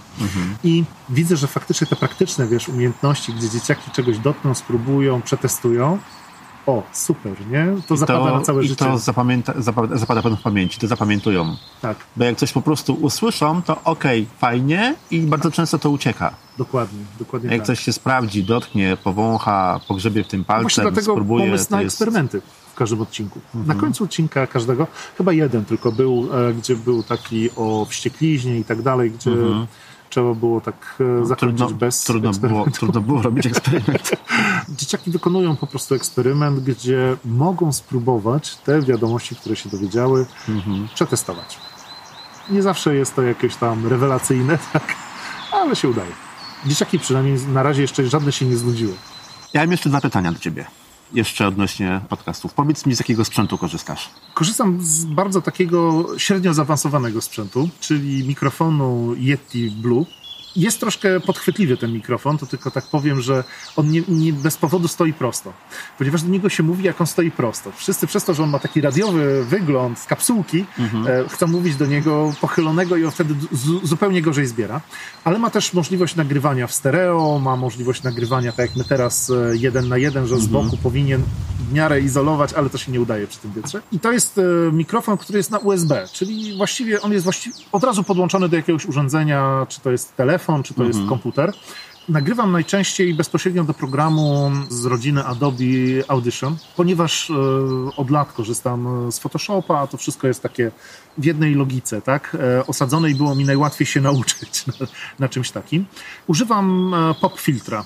Czy to jest taki właśnie włochacz, czy to jest normalny pop filter, taki nylonowy, ze względu na to, że mam dużą ekspresję głosu i e, te wszystkie PD strzelające są bardzo wyraźne. W ogóle sposób nagrywania czy wyciszenia pomieszczenia jest banalny, bo, bo, bo przykrywam się kocem i staram się nie, nie mówić do ekranu, który by odbijał dźwięk, tylko po prostu jest mikrofon przede mną, ekran gdzieś z boku, z którego czytam. I to jest moje, moje profesjonalne studio nagrań. No, ale w zupełności wystarcza. I rozumiem, że w tym Adobe Audition również edytujesz całość i przygotowujesz do, do Tak do naprawdę robię dwie rzeczy. Jedno to jest e, korekcja szumów, która znajduje wzór tego szumu. Te pierwsze 30 sekund nagrywam absolutnej ciszy, staram się nawet nie oddychać, żeby program komputerowy mógł rozpoznać, co jest tą ciszą. I on bardzo ładnie czyści, chociaż czasami potrafi przyciąć za dużo i wtedy się głos robi taki, wiesz, metaliczny. I druga rzecz, którą robię, to jest wycinanie nabierania powietrza, jak to nazywam, ponieważ zawodowi lektorzy fantastycznie opanowali ten wdech i nie słychać tego, a ja nie potrafię. I cały czas jest... I to strasznie drażni podczas odsłuchiwania podcastu, przynajmniej mnie. Bo z- znam podcasty, które właśnie, szczególnie takie wywiadowe, które nie wycinają takich rzeczy. I to są dwie rzeczy, które robię. I potem wyrównuję to tym takim e, profilem, żeby wszystkie nagrania były tak samo głośne. Żeby nie trzeba było pomiędzy odcinkami zmieniać sobie głośności. Oj, to bardzo razi. Bardzo tak. razi, jak jeden odcinek jest dużo ciszej niż drugi i jeden muszę mocno podkręcić w górę, potem drugi nagle łup. Na I właśnie dziecko miało iść No, spać, tak? Tak. I wybuchło coś. E, tak. E, I to jest właściwie całość takiego warsztatu technicznego. Mhm. I gdzie można znaleźć wszystkie twoje nagrania? Ja serdecznie zapraszam na stronę bliżejlasu.pl. To jest strona, na której znajdziecie wszystkie linki e, do moich opowiadań. Ja używam platformy Anchor FM. E, jest to platforma zakupiona przez Spotify, ale jest w zupełności darmowa. Jak Spotify jest darmowy i płatny, tak tam jest akurat 100% darmowe.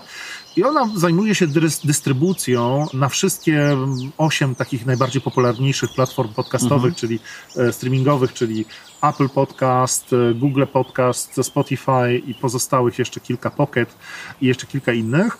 Ma swoje też minusy korzystanie z takich platform, przed czym ostrzegam, że bardzo trudno dojść później do autora, napisać do autora, przekierować na stronę, ponieważ taka aplikacja dba o to, daje ci darmowy hosting, co prawda na twoje pliki, No tak, ale, ale dba o to, żebyś żeby- tam został, tak? żebyś tam został, tak. I ma to swoje minusy, ale na sam początek mi to w zupełności wystarczyło. Teraz zaczynam myśleć nad tym, żeby jednak przejść na coś e, własnego po prostu. Mhm. Możesz się pochwalić statystykami?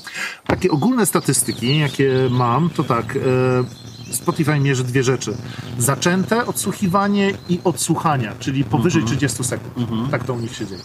I w sumie takich pełnych odsłuchań jest 56 tysięcy, a słuchających 9 tysięcy osób.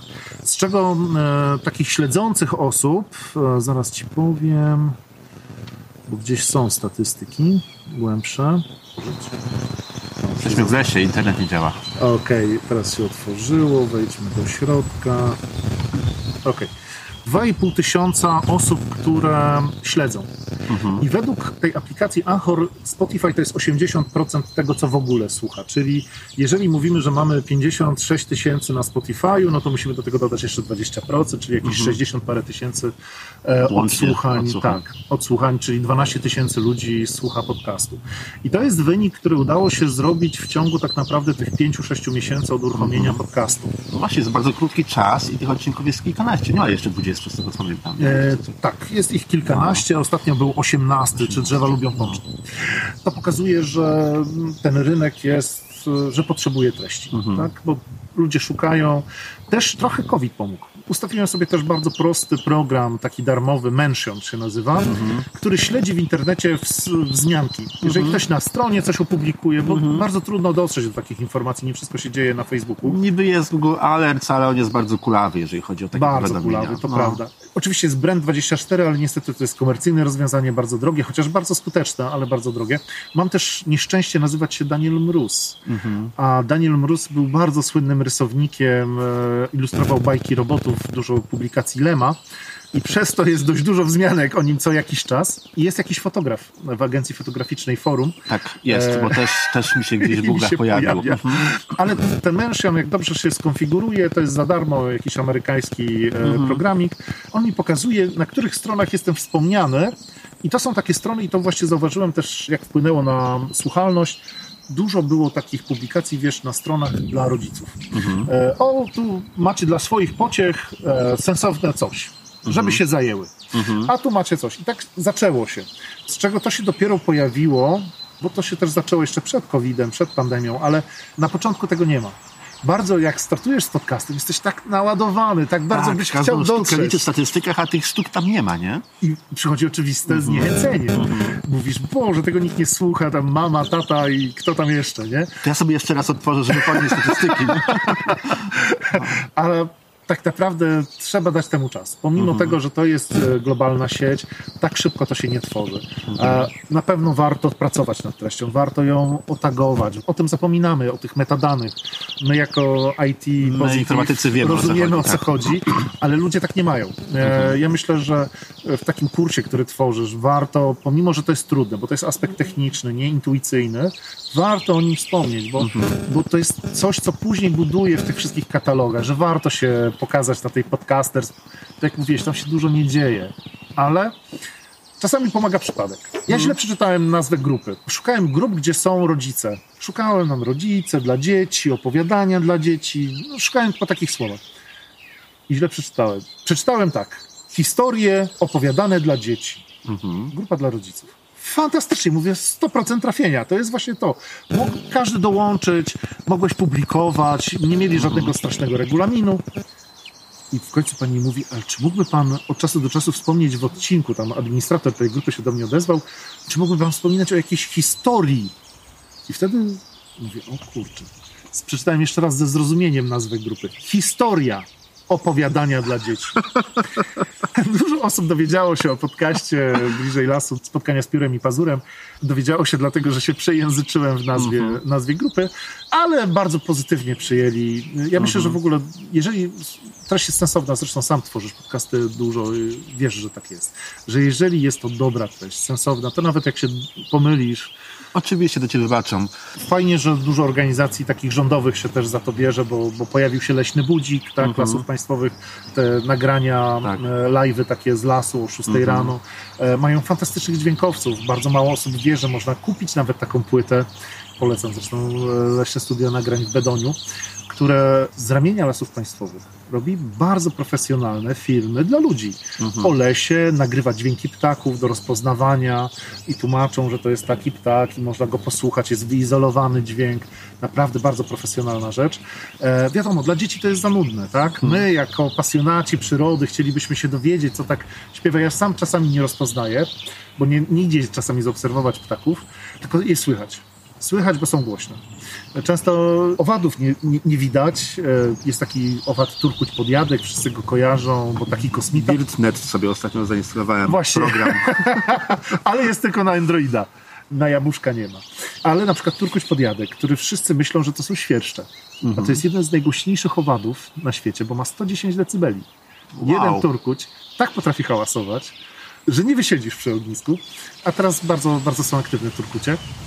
I sam pytam fachowców, umieszczam coś na grupie, identyfikacja ptaków jest taka grupa, e, która pomaga znaleźć. Ja myślę, że to jest bardzo duża jeszcze przestrzeń w, naszej, w naszym internecie, też takim polskim internecie, fachowej identyfikacji głosów, czy ptaków, czy zwierząt.